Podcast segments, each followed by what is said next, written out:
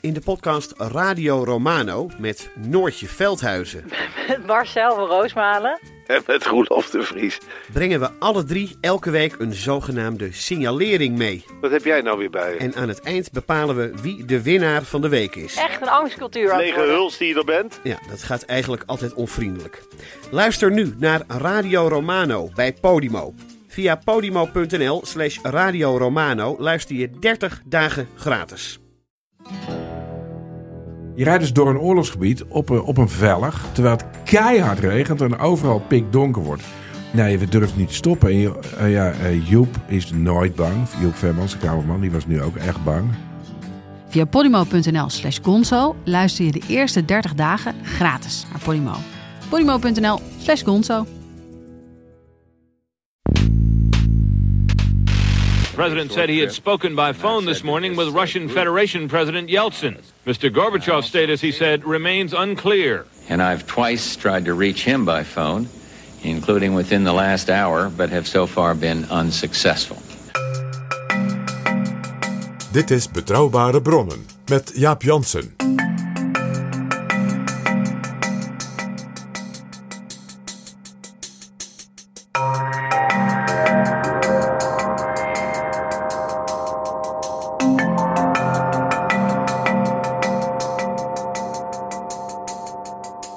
Hallo, welkom in Betrouwbare Bronnen aflevering 211. En welkom ook PG. Dag Jaap.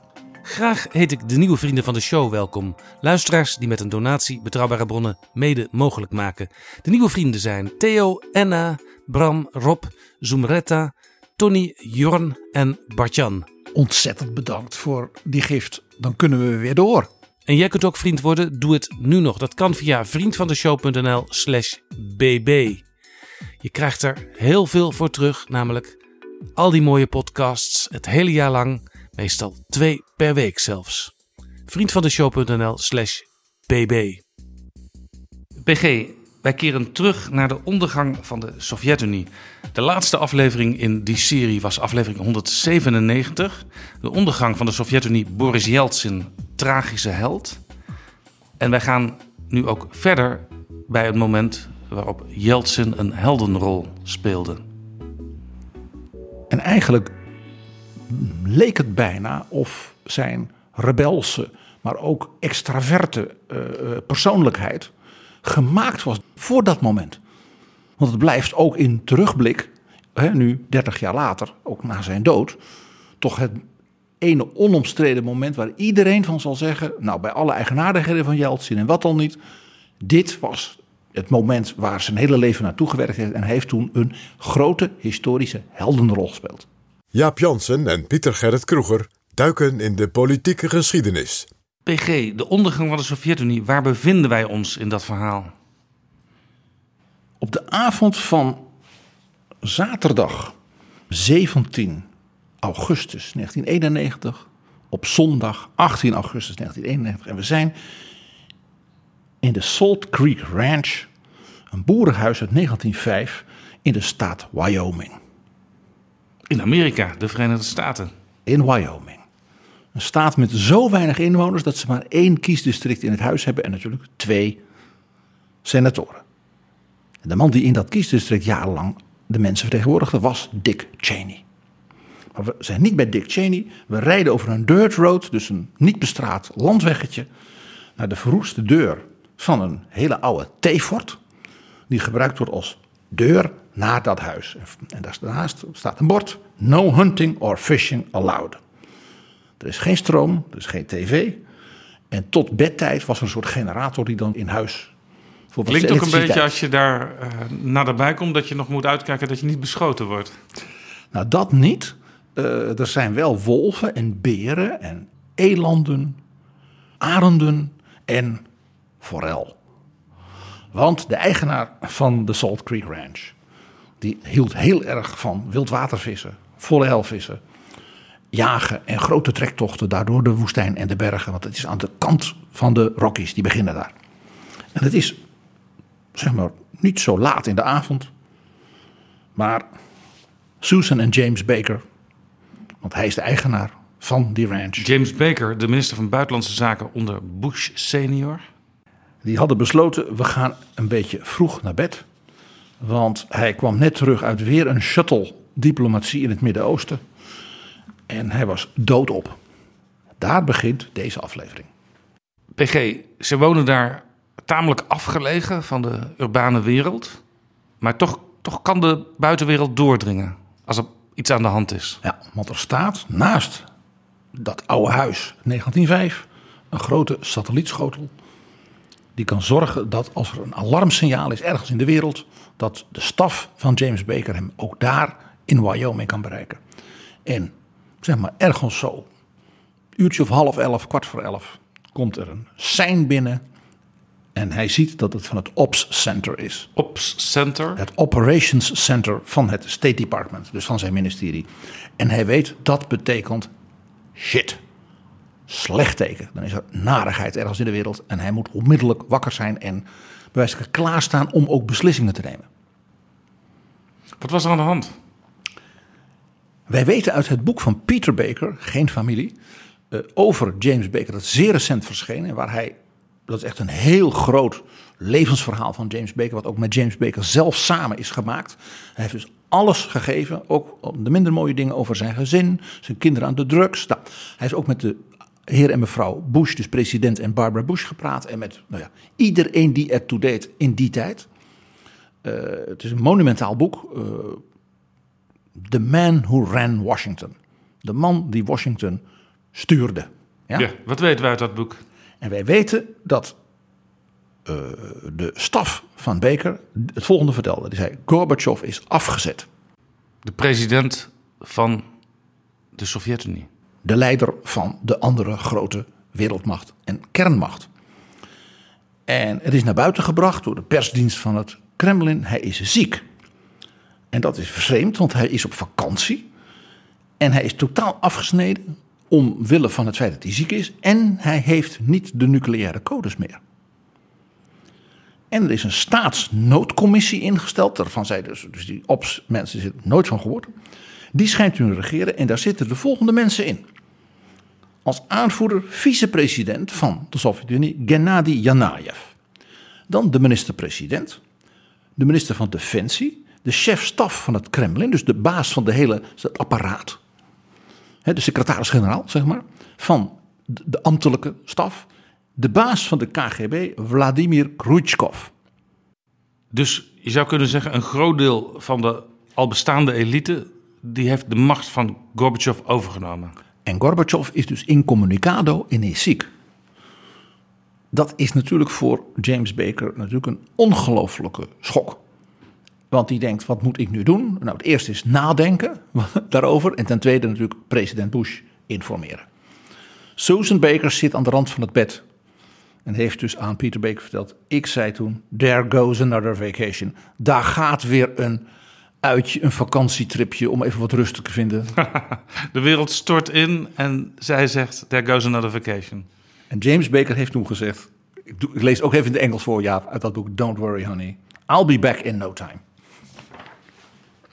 En je begrijpt, dit is de bekende Texaanse zelfspot van James Baker, waar hij ook zo beroemd om is. Van, zat, zat ik weer helemaal fout en Susan was weer zoveel wijzer dan ik. Ja, waarbij ik wil aantekenen dat uh, dit misschien ook wel een kwaliteit is die, die ook juist heel goed is voor de leider van een, een, diplomatie van een land, de minister van Buitenlandse Zaken. Want ja, die wordt voortdurend met crisissen geconfronteerd. En die moet, uh, om te beginnen, ook naar zijn mensen rust uitstralen. Precies. Dus wat ging hij doen? Hij heeft een memo-papier gepakt. En dat is natuurlijk bewaard allemaal, want dat, hoort zo. Dus dat is in de James Baker Center natuurlijk aan de Rice University in Houston, zijn stad, waar hij ook nog altijd woont. Uh, en uh, Peter Baker heeft dus de beschikking gegeven voor al deze dingen. Dus veel van wat nu in deze editie komt, dan bedanken wij dus het enorme werk van Peter Baker. En natuurlijk dat geweldige boek, waarin die details, juist met die persoonlijke dingen, soms bijna op de minuut, is beschreven. Ja, dat is ook interessant trouwens, want het is inmiddels natuurlijk al een tijdje geleden allemaal, maar niet elke leider, niet elke oud-premier of oud-minister geeft alles aan zijn biografen. Ik denk dat hier ook speelt dat James Baker natuurlijk donders goed weet dat hij als chef-staf van het Witte Huis onder Reagan nog altijd de gold standard wordt genoemd. Van hoe je een Witte Huis, hè, hoe he ran Washington. En dat natuurlijk als minister van Buitenlandse Zaken tot de allergroten van de Amerikaanse geschiedenis behoort. Het is natuurlijk ook een man met een begrijpelijk aanzienlijk zelfvertrouwen. Ja, en het is natuurlijk ook zo dat vrijwel alle hoofdrolspelers uh, al lang van het toneel verdwenen zijn. En hij eigenlijk de enige, samen met Condoleezza Rice zou je kunnen zeggen, en natuurlijk Bob Gates, die nog leeft. En die alle twee dan ook recent buitengewoon goede boeken ook over deze periode ja. hebben gepubliceerd. Hij zette zich neer, hij ging nadenken en hij schreef. En hij schreef.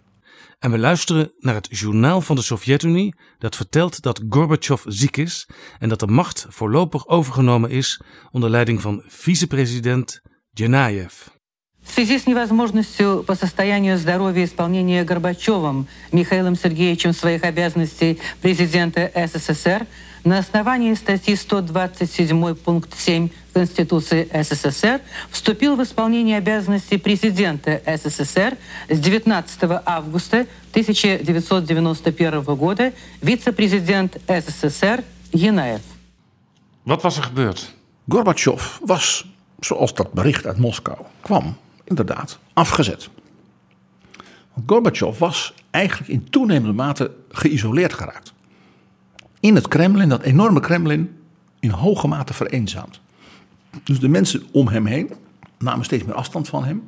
En in juni van 1991 was natuurlijk Boris Yeltsin gekozen tot president van Rusland, het allergrootste deel van de Sovjet-Unie, via een democratische verkiezing, voor het eerst in de geschiedenis van Rusland, een gekozen staatshoofd democratisch, en had dus zijn eigen republiek Rossiya.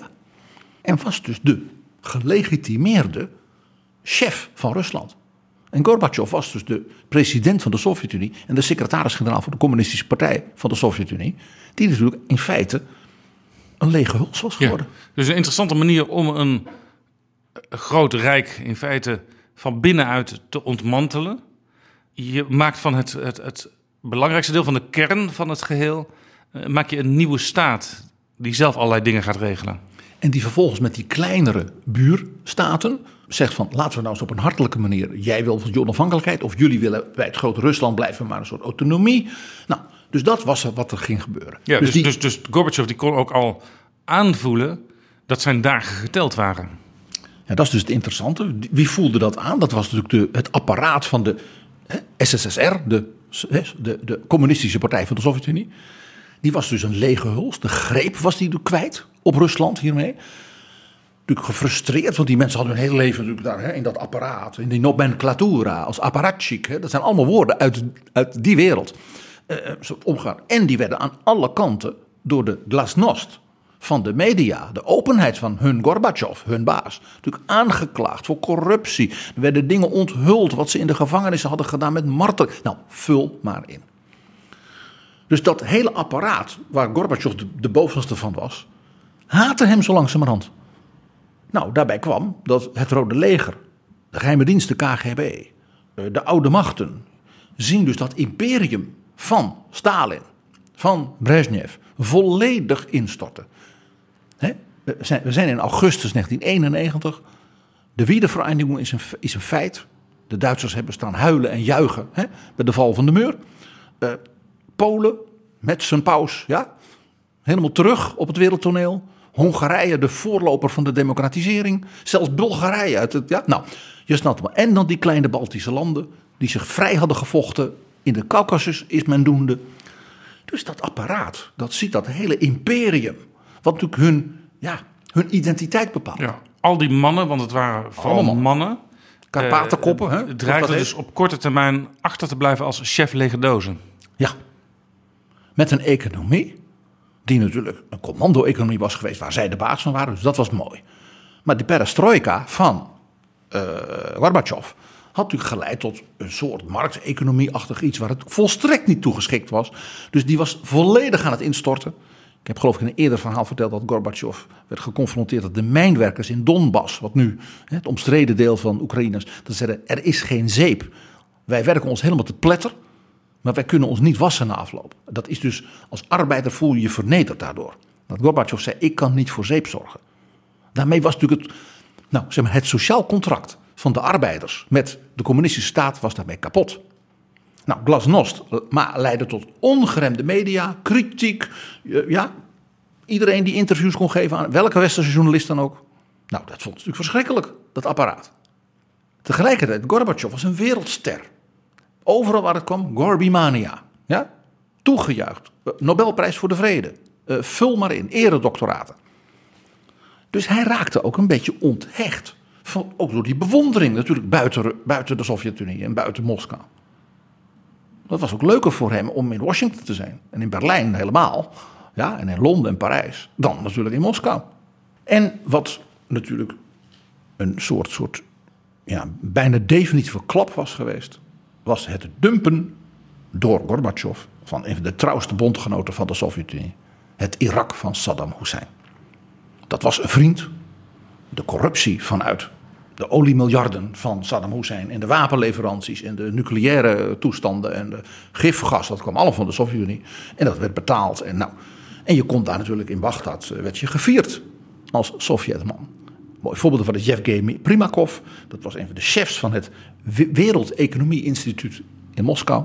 En die was jarenlang de correspondent van Pravda geweest in onder andere Bagdad. Ja, je zou kunnen zeggen dat Gorbachev eh, had besloten dat eh, het land voortaan meer zou gaan leven naar de idealen van de Verenigde Naties. Want daar werd altijd lippendienst aan besteed, maar de werkelijkheid was anders. En daarvan was het laten vallen van Irak een voorbeeld van. Want dat was gedaan onder druk van president Bush. Met die grote coalitie van de Europese landen, ook Nederland, eh, de Arabische landen. En dus voor het eerst de Sovjet-Unie als bondgenoot van de Verenigde Staten in het Midden-Oosten. En het was natuurlijk het einde in de beleving van de oude machten van de machtspositie van de Sovjet-Unie tegen Amerika. In dat Midden-Oosten cruciaal voor ook de wereldeconomie. Ja, jij noemde ook de naam van de baas van de geheime dienst, Khrushchev. Vladimir Khrushchev. Als belangrijke figuur. Dat is de sleutelfiguur hierin. Die wist natuurlijk alles. Was natuurlijk eigenlijk ook de, zeg maar, de meest vooruitgeschoven ja, eh, pion hè, in het schaakspel van de macht. The man Ja. who knew the secrets. Ja, dat is interessant, want dat is eigenlijk ook de persoon die er ultimo voor moet zorgen dat de staatsmacht overeind wordt gehouden. En in het maar, bijzonder natuurlijk de secretaris-generaal van de partij. maar dat is ook de man die, als hij dat echt wil, voor een omwenteling kan zorgen. En Khrushchev was dus de sleutelfiguur. En dat was om twee redenen. Ten eerste, hij had een diepe verachting voor Mikhail Gorbachev en ook voor Raisa Maximova, mevrouw Gorbachev. Dat, Terwijl Raisa Maximova toch een, een eh, ware student van het marxisme is. Een Leninist, een gelovige Leninist, bijna nog meer dan haar man. Maar zij hadden sterallures dat onthechten, dat ze op de wereldtoneel werden toegejuicht. En daar dus hun imago ook aan ontleenden. En dus niet aan, zeg maar, hun Sovjet-horigheid. En een tweede element. Hij was natuurlijk de man die de baas was geweest. Hè, en zijn voorgangers van dat ene ding dat de mensen in de Sovjet-Unie, al die volkeren, ja, van binnen Mongolië tot Estland en Letland en de Caucasus, de Krim, dat ene ding wat die mensen bij elkaar hield. En dat was hun angst. En die angst was weg. Perestroika en glasnost zorgden voor één belangrijk ding. De Sovjetburgers, de gewone Rus, de, de Let, de Azeri was niet meer bang. Ja, wat overigens ook een belangrijke reden was uiteindelijk voor het eh, wegkwijnen van Gorbachev zelf. Want mensen waren blij met die nieuw verworven vrijheden. Maar die zorgden er ook voor dat ze dachten van ja, is dit wel de gedroomde leider, deze meneer? En het feit dat Gorbachev dus zo'n gelovige Leninist bleef, maar niet leverde voor zeep, maakte zijn positie onmogelijk. Vladimir Khrushchev deed nog iets, want een echte geheime dienstchef. Ik zeg het maar even op zijn Amerikaans: cover your ass. Zorg voor rugdekking. Dus hij speelde een dubbelspel. Hij organiseerde dus die coup. Met natuurlijk knokploegen van de KGB voor no- noodzakelijke geweldstoepassing. Dat was allemaal geregeld. Maar hij zorgde ook dat er onder de hervormers zeg maar, de mensen die dus eigenlijk Yeltsin en dan daarvoor ook Gorbachev steunden, dat hij daar ook iemand had die als het nou eventueel niet goed zou gaan of als hij nog een soort deal moest maken, dat hij die nog steunde. Dat was burgemeester Sobchak van Sint-Petersburg. Aha. En jij weet, die is in een eerdere editie van Betrouwbaar Bron al een keer langsgekomen. Ja, want eh, dat was ook de leider van Sint-Petersburg, voor wie Vladimir Poetin, de voormalige eh, KGB-agent in Oost-Duitsland, werkte. Hij was dus voor de burgemeester van Sint-Petersburg gaan werken. Juist, en hij was het hoofd van de, zeg maar, de interne organisatie van de gemeente en het bijzonder van de haven. Wat een pool van corruptie was. Dus Khrushchev had een lijntje naar Sobchak. Eens via wie? Vladimir Poetin. Khrushchev smeet dus het complot door de hele top van die nomenclatura in vertrouwen te nemen en te zeggen: Ik weet iets van het drankprobleem van jouw zoon. Ik weet iets van de lesbische relatie met jouw dochter. En, die, en voor dit soort dingen, daar hebben we het dus over. Hè? Dus die Gennady Janayev, die vicepresident, die zei: Kijk, u weet. Anders kan ik u het de opnames laten horen. Dat Mikhail Gorbachev en Reisa Maximova u verachten. U bent een provinciaal, u heeft nauwelijks gestudeerd. Zij zijn alle twee gepromoveerd. Ze vinden u een volstrekte no-no. En we weten dat u een goede rust bent en dus erg van wodka houdt. Doet u mee? Zo gaat dat. Het is net een film, hè Jaap? Dus aan tafel zitten op een gegeven moment mensen die allemaal via een vorm van chantage daar zijn gaan zitten. En dat van elkaar weten. En die ook weten dat er nog wel meer over hun in de archieven ligt. En allemaal van elkaar weten. Vladimir Khrushchev, onze collega, onze tovarich, hè, kameraad. Die heeft ons aan deze tafel gekregen en die weet van mij iets. Dus dan weet hij dat ook van Gennady en van Boris Pugo. Enzovoort, enzovoort. En hij is degene die alles weet. Want hij zit aan de top van de piramide. En eh, via al zijn uh, onderhorigen heeft hij toegang tot alle laadjes waar al die informatie in zit. En hij heeft ook nog laadjes uit de tijd van Jezov en Felix Dzerzhinsky en Beria over jouw opa, jouw oom, je vader, je broer. Dus hij kan altijd zeggen: ja, Ik vraag me af of ik jou eigenlijk wel kan vertrouwen, want jouw vader en jouw grootvader, dit en dat.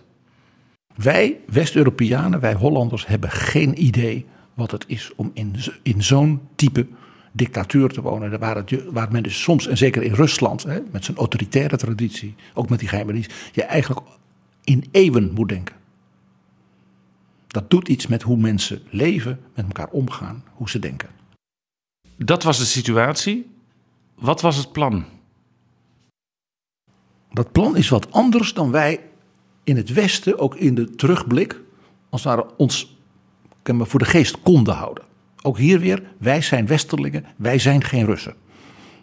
En al helemaal niet in, opgegroeid in een communistische dictatuur. Het plan was, we serveren Gorbachev af en dat doen we moeiteloos. Want hij is volledig geïsoleerd. En hij is diep impopulair. Hè? Dat sociaal contract met die zeep voor de mijnwerkers, dat is verbroken.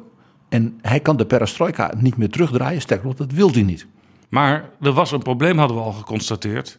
En dat was die nieuwe Russische republiek die was opgericht. En die nu onder leiding stond van de populaire Boris Yeltsin. Die met een grote meerderheid van stemmen, met een hoge opkomst, was gekozen. En dat was een letterlijk en beer van een vent, extravert. Uh, dat was een soort politicus zoals in de Sovjet-Unie natuurlijk niet zo heel vaak voorkwam. Want charisma was nooit een voorwaarde om aan de top te komen. Exact. Je kunt een hoop zeggen van uh, Konstantin Tchernenko, maar niet dat hij veel charisma had. Of Yuri Andropov. Dat, was de baas van de KGB. Niemand wist hoe die eruit zag. Dat was toch. Hè? Nou. Dus het echte doelwit van deze koep was Boris Yeltsin. Want die is gekozen en die was dus aan het rondreizen in die Sovjet-Unie als de nieuwe president van Rusland om met die andere deelstaten een soort overeenkomst te sluiten over democratisering. Als die Baltische landen uh, ja, zelfstandig willen, nou het liefst ze mogen bij ons blijven. Hè, dus wil je misschien autonomie. Maar in elk geval, hij ging dus in die andere stukjes van de Sovjet-Unie diezelfde, zeg maar, Russische democratisering van onderop bevorderen. En dat zou helemaal het doodvonnis betekenen van de Sovjet-Unie. Want dan ging de Russische Republiek met de omliggende landen die dat wilden, en sommigen wilden misschien wel helemaal zelfstandig worden en een veel lossere band hebben, eh, een alternatief neerzetten voor die Unie van Socialistische Sovjet-republieken die al in verval was. Dit plan was dus gericht in het elimineren van Boris Yeltsin en zijn hervormingen. En dat verklaart waarom op die zondag de 18e Boris Yeltsin uit Kazachstan komt aanvliegen en landt op het vliegveld van Moskou. En dat hem niets gebeurt. Hij werd natuurlijk bewaakt, in de gaten gehouden. Ze hebben hem niet tegengehouden. Ze zeggen: Kom maar naar Moskou. Ga maar naar huis. We houden je in de gaten. En dan loop jij straks in de val. Het Westen zag dus eigenlijk niet dat Gorbachev in feite in eigen kring al gemarginaliseerd was. Ook James Baker had dat niet zo scherp op zijn netvlies staan.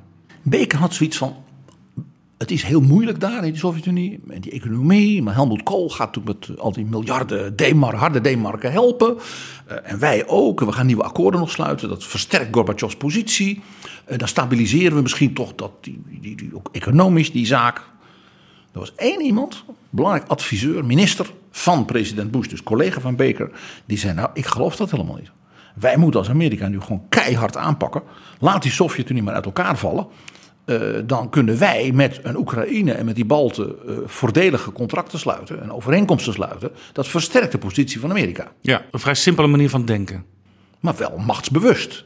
En dat was Dick Cheney. Ja, maar goed, iemand die uh, een machtskenner is, weet ook dat daarna altijd vroeg of laat wraak zal volgen. Dus Baker zei: laten we nou stabiliseren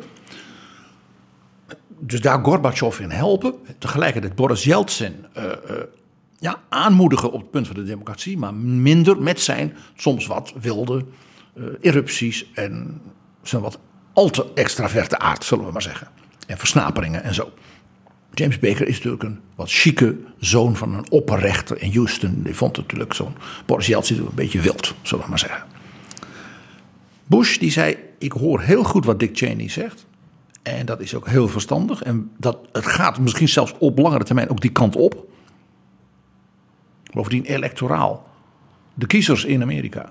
Grote aantallen Baltische ja, ballingen, Oekraïners, Polen. Die kan ik als president niet zeggen. Ja, die, die moeten maar lekker gewoon bij de communisten blijven. Hebben hele krachtige lobby's. Hè? Die kleine Baltische minderheden in Amerika. Ja, en ook een, een hele Russische kolonie uh, op Long Island, waar die, die, dat reuzenrad staat. Ik ben daar geweest. Daar verkopen ze gewoon Russische krantjes en die worden ook gelezen. En een president houdt daar rekening mee. All politics is local. Dat is primaat der innenpolitiek. Nou, dus Bush die zegt: Ik steun James Baker in die verstandige, stabiliserende lijn. Maar ik zie ook de lange termijn strategie. Waarin Dick Cheney als het ware als een soort strategisch doel voor de Verenigde Staten ook wel gelijk heeft. Dus Bush was wat modererend. Ja. Zo, zoals hij als president ook wel vaker was. Hij had natuurlijk ook als president van Amerika deze twee steunpilaren allebei ook in de toekomst nog hard nodig. En ook al was de lijn van Cheney nu niet de eerste lijn die hij zou kiezen. Cheney kreeg nog steeds wel complimentjes en werd nog steeds wel elke dag om advies gevraagd. En Cheney wist ook dat James Baker en George Bush natuurlijk al hun hele leven vrienden waren. Dat was niet alleen maar een zakelijke relatie. Hè. Hadden elkaar leren kennen op de tennis uh, rackets. Hoe heet dat, Jaap? Jij hebt daar verstand van bij tennissen. Uh, op de court. Op de court in de Houston. tennisbaan. In de tennisbaan. In, de, in een chique, typische Republican country club. Ja, en daar hebben we het eerder in, lang geleden al in Betrouwbare Bronnen over gehad. Over die, die vriendschap. Oké, okay. Bush die koos dus de lijn van James Baker. En we verplaatsen de camera weer naar Rusland. From ABC, this is World News Tonight with Peter Jennings. Good evening. Tanks in the streets, shots in the night. Soviet politicians involved in the coup against Mr. Gorbachev now allegedly in their sick beds. There isn't very much that is clear in the Soviet Union tonight except this. The most important politician in the country to be freely elected Boris Yeltsin is now the central symbol of resistance to those who still have Mikhail Gorbachev under house arrest. And President Bush has told the world that he stands with Yeltsin and Gorbachev. The military enforced curfew was among a string of decrees from the ruling emergency committee tonight. One declared that all Boris Yeltsin decrees were illegal. Yeltsin had said anyone who collaborates with the ruling junta would face criminal charges. Another decree by the committee banned all radio and television stations not controlled by the state. People here have been glued to two small independent Russian radio stations which have managed to stay on the air. And mysteries surrounding the ruling emergency committee deepened tonight with the announcement that Prime Minister Pavlov was ill. He was suffering high blood pressure and was confined to bed. Other reports that General Yazov was also ill and had resigned were denied. But all of that raised speculation that the committee was a troubled one, plagued by disagreements on how to proceed. Mikhail Gorbachev's status was clarified today when we talked to members of his household staff. Gorbachev remains under house arrest with his wife Raisa at his summer vacation retreat in Faros on the Black Sea. Rondom Gorbachev begonnen dus allemaal geruchten, ook bij zijn aanhang. En onder andere burgemeester Popov van Moskou, die is op bezoek in Berlijn voor een bijeenkomst van grote wereldstedenburgemeesters. En daar is ook ambassadeur Matlock van de Verenigde Staten in Moskou. Die is weer op bezoek bij zijn collega. En die zegt ineens tegen Matlock: Ik wil met u praten onder vier ogen en dat wil ik niet in Moskou doen. Zo bang was hij dus dat Khrushchev en dat soort mensen hem afluisterden. Die zei: Ik weet zeker dat de KGB en een aantal oude uh, hap van de Communistische Partij en het leger bezig zijn met een coup voor te bereiden tegen Gorbachev. Ik heb mijn eigen mensen natuurlijk ook weer als burgemeester van Moskou. En ze kwamen spionnen bij elkaar. En dat gaat niet goed. Dus u, meneer Matlock, moet uw baas, James Baker, informeren. Want wij hebben goede hoop op minister Baker, want die kennen we allemaal. En die, dat, dat is een klasbak. Ja. Dus Matlock, die schrikt hier zo van. Dat hij meteen vanuit Berlijn James Baker informeert. En die zegt als burgemeester Popov dat zegt, dat is geen uh, zeg maar complotgekkie. Dat is een hele goede, gedegen bestuurder. En als die niet durft te praten in Moskou, zijn eigen stad, en mij dus apart neemt in Berlijn, dan is het dus heel erg. En Matlock gaat, op suggestie van Baker, zelf terug in Moskou op bezoek in het Kremlin bij Gorbachev. Wat hij natuurlijk vaker deed. Ja. Op datzelfde moment laat Baker president Bush met zijn nieuwe collega in Moskou bellen. Boris Yeltsin. Die dat natuurlijk prachtig vond. Dat verhoogt natuurlijk zijn status enorm. Ja, ja je zou dus kunnen zeggen dat Bush had ineens uh, twee collega's. Want Gorbachev was al een collega en nu was Yeltsin uh, ook collega geworden. En Bush behandelde hem dus bijna net zo goed als natuurlijk de wereldster en de man van anti-kernraketten. Dat was ook belangrijk. Mikhail Gorbachev. En Bush zegt, president Yeltsin, ik waarschuw u. Wij, mijn mensen, vertellen mij dat dat dreigt. En Boris Yeltsin zegt, oh nee, Mr. President, dat gebeurt echt niet. Ja, dit was dus in een iets eerdere fase. En inmiddels is dat moment aangebroken dat Gorbachev op de Krim met vakantie is. En dat er gezegd wordt, hij is ziek en eigenlijk niet meer tot regeren in staat. Ja, dus Gorbachev vliegt met Raisa Maximova en de kleindochter naar Foros op de Krim. En daar is een prachtig buitenhuis, niet heel luxe, uh, maar mooi, met een strandje, zodat het kind lekker met een schepje en met opa en oma. Ach, wat heerlijk. En Raisa Maximova had natuurlijk heel veel leesboeken bij zich, want zij lazen elkaar voor. Michael en Raisa al uit hun studententijd. Dus ontspannen, want het was natuurlijk heel hard werken en heel moeilijk geweest. En het zou nog weer veel moeilijker worden. Dus hij kon ook nadenken en met mensen praten. Dat was het idee. En hij zit daar en ineens wordt zijn bewakingssectie vervangen. Dus dat roleerde af en toe. Nieuwe mensen? Ja, die hij niet kende. Nieuwe oortjes? Nieuwe oortjes, heel goed Jaap. En jij begrijpt, dat was de knokploeg van Khrushchev. En die trok alle telefoondraden eruit. En hij was ineens volledig incommunicado van de buitenwereld. En hij moest dus zijn nucleaire codes inleveren. En toen was het duidelijk: ik heb het koffertje niet meer. En ik kan met niemand contact hebben, ook niet met mijn kinderen, met mijn staf. ik besta niet meer. Nou, Hoe snel werd dat duidelijk? Binnen een uur. Zeg op dag twee, dag drie van die vakantie. En ze liet hem dus eerst lekker kalman doen, ja. Dit was dus zeer goed gepland. Dat was voor hem ook duidelijk. Want hij had geen secretaris die kon iets doen bij hem. Dat leidt tot, tot nou ja, diepe bezorgdheid en vooral grote paniek bij zijn vrouw. Eh, die zei, ze gaan ons vergiftigen. We worden geëxecuteerd. Wat ik al zei, als je maar lang genoeg in een communistische dictatuur opgroeit... dan word je zelf natuurlijk ook van, van alles bang. Ja, en ze hadden natuurlijk gezien, eh, enkele jaren daarvoor, hoe het in Roemenië was afgelopen met het leidende echtpaar. En met Honeckers. En met al die mensen die, waar je van die foto's zag dat ze elkaar zoenden op het vliegveld. Ja, Elena Ceausescu was natuurlijk een, was ook een zogenaamd een groot eh, academisch geleerde. Reisa Maximova was dat echt. En ja, die, nou ja, je weet hoe verschrikkelijk ja, die aan hun eind waren gekomen. Schreeuwend van jullie zijn verraders en dit werden ze doodgeschoten. Verschrikkelijke beelden. Ja. Een nachtmerrie natuurlijk voor iemand als mevrouw Gorbachev. Nou kennen wij de Krim natuurlijk als betwist terrein. Het heeft bij de Sovjet-Unie, bij Rusland gehoord, want Oekraïne hoorde lange tijd bij dat rijk. Maar de inmiddels vrije Oekraïners die zeggen de Krim is van ons. De Krim is door Nikita Khrushchev aan Oekraïne geschonken. En dat is niet zo raar. Want Khrushchev was onder Stalin de partijleider van Oekraïne. Dus toen hij de leider van Rusland werd, heeft hij iets gedaan voor zeg maar, zijn achterban. En er is ook een traditie van leiders om op de Krim tot rust te komen. De Krim als een soort riviera voor de absolute elite van Sint-Petersburg, zeg ik ook bewust. En Moskou is een oerding in de Russische geschiedenis. En dat komt natuurlijk, wie heeft de Krim veroverd voor Rusland? Natuurlijk prins Grigori Potjomkin, de premier, de, de oppergeneraal en de geliefde van keizerin Katharina de Grote. De absolute nummer één van de Russische leiders in de geschiedenis. Dus elke nieuwe leider, van welke signatuur ook, eh, die wil zich graag laven aan het stardom van zijn voorgangers.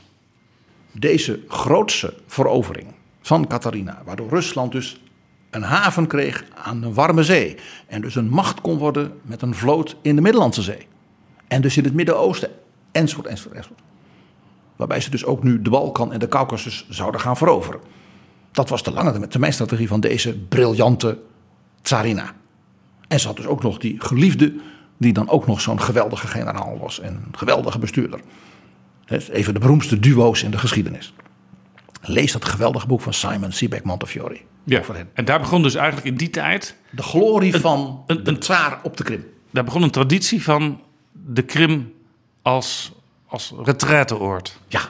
En dus bouwde je daar zomerpaleizen van natuurlijk, ja, tsaristische uh, pronk en praal. He, dus elke tsaar bouwde als het ware of een nieuwe vleugel aan het paleis, wat Potjomkin natuurlijk had geschonken aan zijn geliefde, de tsarina, dan wel een eigen paleis. En de kleinzoon van Katharina, haar echte opvolger, Alexander, hè, Sasha, de overwinnaar van Napoleon. Dus dat was een tsaar, ja, die dus in Europa, nou ja, hè, helemaal bovenaan stond. Die is dan ook overleden als relatief jonge man nog in de armen van zijn minnares op de Krim op vakantie. Dus je ziet, alle tsaren hadden allemaal hun paleizen. Dus dat, die, kust staat helemaal vol met prachtige dingen. Dus wie ging daar ook altijd heen? Omdat je zo'n paleis natuurlijk helemaal kunt afschermen van de buitenwereld. Dat was Stalin. Want Stalin kwam uit Georgië. Die kwam dus uit dat zuiden. Ja, niet Russische zuiden. De Krim was niet Russisch. Daar woonden Krim-Tataren, daar woonden Joden, daar woonden uh, Turkse stammen. En had dus een zeer kleurrijke, bijna Levantijnse cultuur. Met zijn geweldige keuken, beroemde wijnen. Magnifiek. Dus Stalin en Georgië gingen heel graag naar de Krim om uit te rusten. En dan werd dus nog Beria, de baas van de KGB, alles afgezet. En hij ging ook af en toe nog wel eens aan de kust, nog ietsje zuidelijker daarbij in Georgië. Maar zijn lievelingsdingen waren toch op de Krim. En vandaar dat toen hij president Roosevelt en Churchill ontving, dat dat was op de Krim, in Yalta. Ja. Dat was net veroverd weer op de nazi-troepen. Dus de verhalen daarover moeten we een andere keer maar doen. Maar dat, ze hebben dus dat enorme keizerlijke paleis in Jalta. Daar hebben ze dus met plamuur alle kogelgaten eh, dichtgemaakt. En uit Moskou allemaal uh, inrichting, want dat was door de nazi's allemaal meegenomen. Het beroemde Jalta-overleg staat dus in die traditie van de grote heerser van Rusland. Die daar ja, laat zien hoe machtig hij is. En zo is er ook een paleis, weer een ander paleis, ja, zo gaan die dingen. Uh, waar Leonid Brezhnev graag was. Want daar kon je varen. Dat was als een beetje aan, aan de kust. En die hield erg van hele snelle boten. Hij was geen roeier. Nee, nee, zeker niet. En er zijn dus hele beroemde opnames van de Duitse televisie. van de bezoeken van Willy Brandt aan Brezhnev. En dan zie je dus Willy Brandt op die snelle boot met Brezhnev. En alle twee flinke drinkenbroers. Dus dat was gezellig. Kortom, daar was een hele traditie ontstaan. Poetin, de huidige Russische machthebber, president, heeft daar ook een paleis. Ja, die heeft in het stadje Orayanda, je hoort het al, je hoort al een beetje die Midden-Oostenachtige namen daar, hè? een villa. En dat is het Glidzinia-paleis. En dat is dat huis van Brezhnev. Ah. Dat heeft na Brezhnev leeggestaan. En was dus in verval geraakt, zoals de hele Sovjet-Unie, alles in verval was geraakt. En dat is gekocht door een groep miljardairs, oligarchen, voor 15 miljoen dollar. Dus best een hoop geld. Nou ja, voor die pandjesbasis natuurlijk een koopje. Dus dat is een cadeau van die oligarchen aan de vorst, de leider. En wij weten daar heel veel van met dank aan Der Spiegel. Want die zijn daar helemaal ingedoken. Zo weten wij dat die bankiers een stroomman hebben gebruikt als koper. En dat is een leraar kung fu vechtsport. Die woont in een vrij volkse flatbuurt van Oost-Moskou. Kortom, met een follow the money blik weet je meteen, hier klopt iets niet. Maar Oosterse vechtsporten is natuurlijk een Poetin-ding. Dus dit is een maatje van Vladimir Poetin. Het is gewoon iemand waar die op, op dinsdag aan het eind van de middag altijd uh, op bezoek gaat, bij wijze van spreken. Of die die uitnodigt voor, voor bij de judo en dan. Hè? Hij heeft ook zo'n kok, die, die ook nu heel erg rijk is. Nou, het wordt nog leuker. Poetin heeft namelijk dat Glidzinia-paleis al heel lang op het oog. Zo kwam de, der Spiegel achter via lekken in Oekraïne. En dat weten uh, die pandjesbazen, zoals ik ze dan toch maar noem, die weten dat natuurlijk ook. Dat, dat de president zelf eigenlijk daar best wel zou willen wonen. In 2004, 2005 heeft de staatsbank WTB in Rusland zich gemeld in Kiev. Bij president Kuchma. En die zei, president Kuchma, op de Krim, dat was dus Oekraïens, is dat vervallen huis, villa, paleis van Brezhnev. Wij willen dat kopen als Russische staatsbank. Kutsma wist ook onmiddellijk waarom. En die dacht: als ik een vriendendienst kan doen aan Poetin, heb ik daar voor mijn onafhankelijke Oekraïne belang bij. Dus die heeft gezegd: de Russen zijn ons broedervolk. Als de president van Rusland wil ontspannen, zoals zijn vele voorgangers, hè, sinds de grote Tsarina. De staatsbank WTB mag voor een fijn bedrag dat eigendom van de staat Oekraïne kopen. Ja, op zich niet een hele rare gedachtegang. Een verstandige president. Maar hij had een opponent in het parlement die een enorme nationalistische schande, schande, eigendom van het volk. En het was premier Viktor Yanukovych. Dat is interessant, want die gaat later onder één hoedje spelen met Moskou. Sterker nog, eh, hij vertrekt uiteindelijk ook naar Moskou omdat het hem te heet onder de voeten wordt. Hij wordt dus omgekocht. En ze maken hem dan president van de pro-Rusland-partij in Oekraïne tegen mevrouw, weet je, Julia Timoshenko. Met die, met die vlekjes? Ja, en Yushchenko. Die ze toen hebben geprobeerd te vergiftigen. En toen bleek dat er geknoeid was met die verkiezingen. Dat Janukovic niet had gewonnen en Yushchenko had gewonnen. Nou, na vier jaar was Janukovic weer kandidaat en won toen. En toen stonden dus al die studenten op dat, op dat, eh, dat Maidanplein. The rest is history. Ja. Janukovic bleek gigantisch corrupt. Uh, en vluchtte natuurlijk via Baku, uiteraard via Baku, uiteindelijk naar Moskou. Dus dat Poetin, zodra Rusland de Krim had genaast van Oekraïne, dat paleis laat kopen door zijn miljardairs via de kung fu leraar, is dus ook een wraak op Oekraïne. Ja. Nou, wij weten wie de financiers zijn van het paleisje van 15 miljoen. Dat is een bank in Petersburg onder leiding van Yuri Kavalchuk. En die zit vol in de raad van bestuur met vrienden van Poetin uit de tijd dat hij gemeenteambtenaar was en die dus toen zeg maar belegden in die haven. Interessante bank dus. Ja. Er zit nog iemand in het bestuur van die bank. Als groot aandeelhouder. Dat is een mevrouw. En die mevrouw heeft een dochter. En ze is niet getrouwd en iedereen weet dat die dochter van Poetin is. Dat is zijn geliefde. Oh. Dit is dus ook weer, zeg ik, iets heel ouderwets Russisch. We zijn in allerlei opzichten ook weer terug in de tsarentijd. Poetin gedraagt zich als een tsaar. Ik heb het al eens vaker verteld dat hij heel veel dingen van de tsaren overneemt. Onder andere de jaarlijkse tv-show. Waarbij dus ja, de tsaar mag smeken, Poetin mag smeken. Bij ons op stra- worden de straten niet gerepareerd. En dan, dan spreekt hij die gouverneur daar van Yakutië bestraffend toe. En dat is een, een tv-show van zeven uur. Dat is helemaal conform het model van de goede tsaar... die luistert naar de eenvoudige boeren. Maar PG, dat terzijde. We hadden het over de koep van de oude garde tegen Michail Gorbachev. En die zit dus in dat paleisje, die villa aan zee... in Foros en kan geen kant meer op. Waar Letterlijk. inmiddels alle kabels doorgesneden zijn. Ja. En zijn vrouw is helemaal in paniek. En denkt ze gaan ons doodschieten en ze gaat dat kind vergiftigen. Want ze was dus heel erg bang. Wat wisten de burgers in Moskou hiervan? De burgers in Moskou wisten niets. Dus er komt een officiële verklaring van de staatsnoodcommissie. Onder leiding van vicepresident Gennady Yanayev. En die vertellen, Go- Gorbachev is ziek. Eh, wij nemen dus nu hè, als noodcommissie de macht over. En ze deden dus toen iets wat ja, zo klassiek, mag ik zeggen, Stalinistisch is. Dat dus de gewone mensen in Moskou en in Petersburg onmiddellijk wisten wat aan de hand was. Want wat deden ze? Ze schrapte het middagprogramma op de televisie. Dus in plaats van eh, het nieuws en een voetbalwedstrijd en, eh zal maar zeggen, tekenfilms, werd er één programma uitgezonden. Urenlang. Een opname van Zwanenmeer van Tchaikovsky uit de Bolshoi.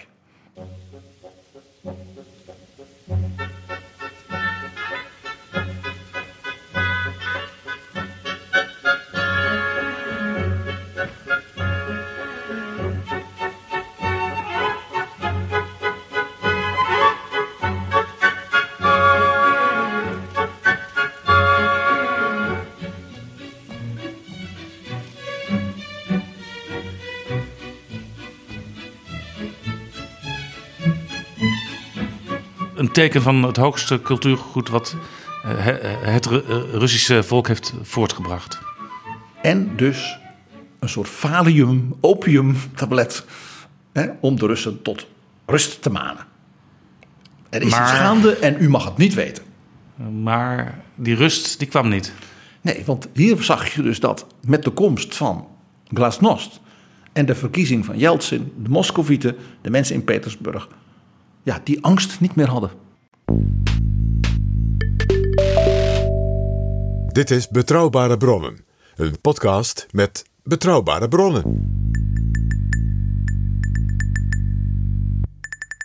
De mensen gingen de straat op. Massaal. Journalisten Massaal. vroegen zich af, zeker ook de internationale correspondenten, wat is hier aan de hand? Die ging natuurlijk bellen met iedereen, met al die kritische Glasnost-media.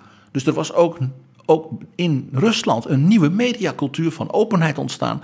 Dus er waren massale geruchten. Dat nieuwe regime, ik- zou bijna zeggen de nieuwe junta, die organiseerde in het Kremlin een persconferentie. Ja, en ja, dat was dus net als met dat Zwanenmeer volgens het model van zeg maar Stalin en Brezhnev. Ik bedoel, wat voor model hadden ze anders voor zich? Ze hadden nooit kunnen oefenen. Dus dat begon met een toespraak. Dus daar zat achter een tafel allemaal- allemaal Mannen, mannen in slecht zittende vaak dikke mannen. Ja, eh, het is niet aardig, maar wat wij dus Karpatenkoppen noemen. En die zwijgen allemaal. Maar kijken natuurlijk indringend. Collectief leiderschap. Hè? Zoals Stalin dat ook had. Zogenaamd collectief leiderschap. En ja, wie moest natuurlijk spreken? Dat was de vicepresident. Dat was Gennady Janaev. En die had duidelijk moed ingedronken om te spreken tot de televisie. Zijn handen trilden. Hij trilde, hij sleurde met zijn mond. Uh, hij was bloednerveus. En één ding was duidelijk. Rust ging deze groep niet brengen en leiderschap ook niet. Михаил Сергеевич Горбачев находится в полной безопасности, ему ничего не угрожает. Единственное, надо определенное время для того, чтобы он просто восстановил свои силы. Ну, в таком режиме, дамы и господа, работать, в каком работал президент Горбачев все эти последние шесть лет, естественно, и, и организм изнашивается немножко. Я надеюсь, что мой друг, президент Горбачев, будет в строю, и мы будем еще вместе работать. Dus het effect was dat dus de Moscovieten en de mensen in Petersburg, want daar weten we het met name van, dus masse de straat op gingen. En begonnen te roepen: vrijheid, vrijheid, Russia, Russia, Rusland, Rusland. En wie ook keken, waren natuurlijk president Bush en James Baker. En die belden met elkaar. En Baker had dus dat memootje zitten maken, s'nachts thuis, in de, in de ranch. En een van de woorden die dus in zijn handschrift op dat memo staat is... Yeltsin is the key guy. Ja. Dus Baker had blijkbaar al een soort gevoel van deze koep is uiteindelijk vooral tegen Yeltsin. Terwijl president Bush natuurlijk dacht, wat kunnen wij als Amerika doen om Gorbachev te redden? Want die is ziek, maar hoe ziek? En waarvan Ja. dan? Bush natuurlijk die de persoonlijke band met Gorbachev koesterde. En Baker die vooruitkeek en wist dat, dat Gorbachev toch al op weg was naar de uitgang. Dus Bush zegt tegen Baker: we moeten, we moeten iets met die Janaev. Maar mijn hemel. En Bush zei: Ik heb hem net drie weken geleden ontmoet. Dat was ook nog waar. En waar? In Kiev. Ja, het is. En die zei: Het is een hele leuke man. Hij, is- hij heeft heel veel humor. Ja, hij drinkt een beetje uit zijn rus. Maar het is verder. Ja, eh, Michail en Raisa, die vinden wel een boerenpummel. Nou, hij is ook een ru- vrij rustige man, was het, die Genaev? Maar Bush had Gewoon eigenlijk. een, een, een, een beetje bureaucraat, een manager. Bush had een, eigenlijk best een goede indruk van hem. Geen groot leider, maar dat hoeft ook niet. Eh, Dan Quayle, zijn vicepresident, was ook geen groot leider, zullen we maar zeggen.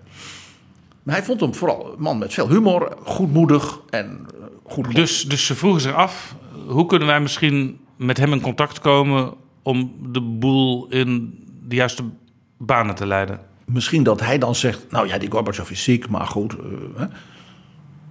En dan kunnen we misschien ook zeggen, u blijft wel af van die democratie, hè? Dus Bush zei, misschien moeten we een beetje wat, ook wat, wat modererend opereren. Wat dus president Bush al doordeed. En daar is een heel belangrijk voorbeeld bij. Hij zei tegen Baker, we hebben dit natuurlijk al een keer eerder meegemaakt, recent, toen ik in mijn presidentschap. En dat was in juni 1989. Met de oude Deng Xiaoping. In China. Die die studenten eh, aanpakte. Die ook democratie wilden. Hij zei, dat moeten we voorkomen. A, dat er bloed vloeit in Moskou en Petersburg. Want dan is de zaak niet meer te houden. Hij zei, toen hebben wij de oude Deng bestraffend toegesproken.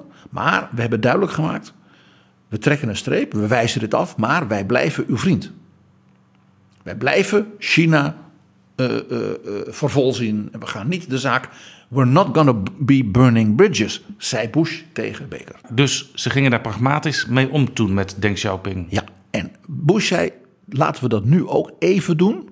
Dus een soort middelmatige reactie. Dus Bush geeft een persconferentie en die zegt: This is a disturbing development.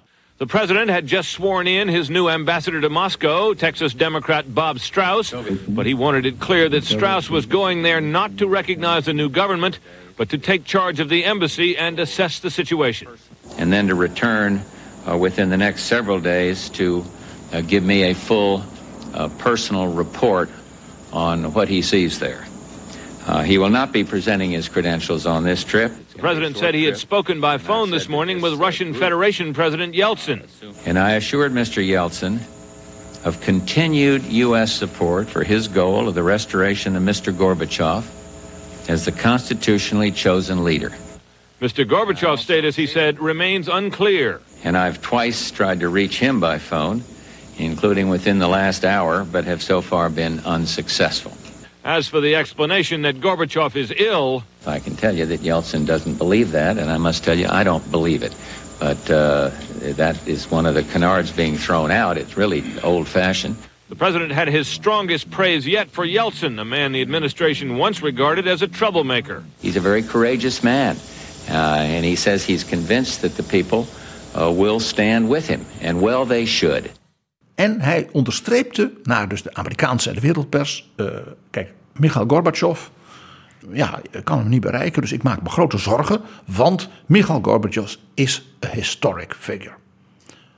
En hij zegt: Ik hoop dus ook dat zijn goede ja, visioen van hervormingen en ontwapening en vrede. dat dat blijft. Hier zegt president Bush dus eigenlijk wat eh, alle mensen die enigszins bij het lot van de Russen betrokken waren, zelf ook dachten. En eigenlijk vergelijkt hij dus Gorbachev met de oude Deng.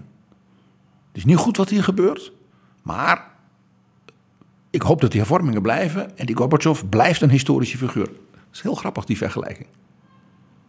Dat weten we dus nu, achteraf. Toen dat natuurlijk niet.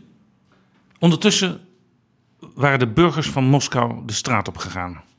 Met z'n honderdduizenden. En de massa die ging naar eh, eh, wat heette het Witte Huis. En dat was het gebouw waar het parlement van Rusland gevestigd zat. Dat was zeg maar dus eh, in plaats, in de hoge mate in plaats van de Duma gekomen. Precies. En Yeltsin had daar natuurlijk als president een kantoor.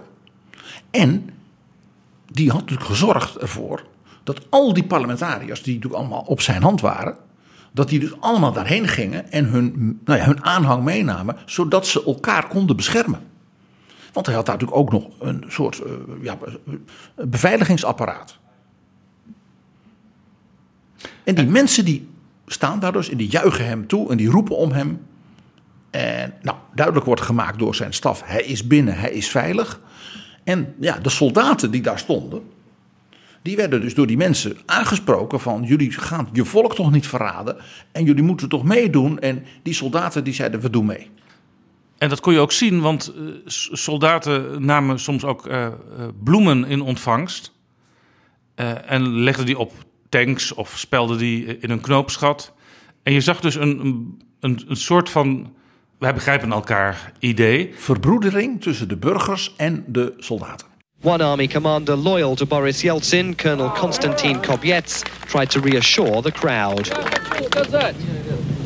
что все, кто носит военную форму, у которых бьется нормальное, честное сердце гражданина России, никогда не позволит того, чтобы армия выступила против своего народа. En hier komt ook het moment wat iedereen die die tijd heeft meegemaakt uh, nog heel scherp op zijn netvlies heeft staan. Yeltsin komt het Witte Huis uit. Met zijn staf om zich heen en zijn bewakers en de kerels met uh, kogelvrije vesten. En hij loopt door de massa. Die hem toejuicht natuurlijk. En doet iets heel apart. Zo'n soldaat aan die een tankcommandant is. En hij klimt op die tank. En hij begint te spreken. En hier zag je Jeltsin, de sportman. Maar ook de extraverte figuur.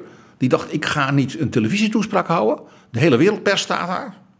De glasnost, ja, liberale anticommunistische media, zal maar zeggen, van Rusland zelf. En de, de, de lokale omroep van Moskou. En hij gaat op die tank staan en houdt een duidelijk goed geprepareerde toespraak. En hij zegt dus, dit is een extreemrechtse, militaristische koep die is volstrekt tegen de grondwet. En zij willen de oude hap terug. Hij zegt, ze willen de Koude Oorlog terug. En de president van ons land, nou de Sovjet-Unie, Mikhail Gorbachev, die heeft er recht op dat hij vrij kan bewegen. En ik heb geprobeerd hem te bereiken en ik bereik hem niet. En daarom ik verwerp deze koep. Hij noemt ze ook putschisten, wat dus een bewust Russisch woord uit het Duits is. Daar zit dus een, ook een, mag zeggen, een soort nazi-sfeer omheen in het Russisch. Dus het waren hele scherpe woorden.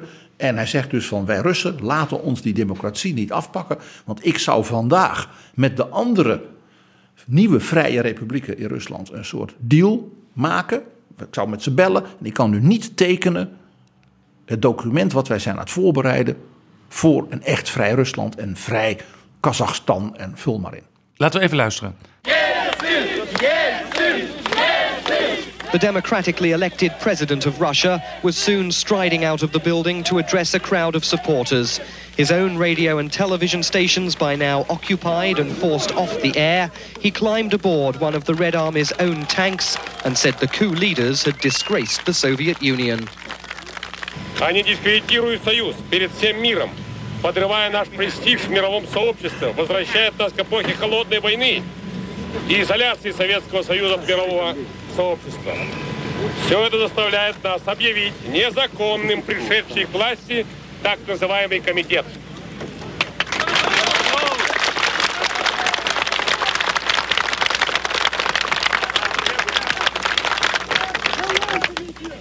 Соответственно, объявляем незаконными все решения и распоряжения этого комитета. And he went further, calling for civic resistance to the hardline grab of power. Обращаемся к военнослужащим с призывом проявить высокую гражданственность и не принимать участие в реакционном перевороте.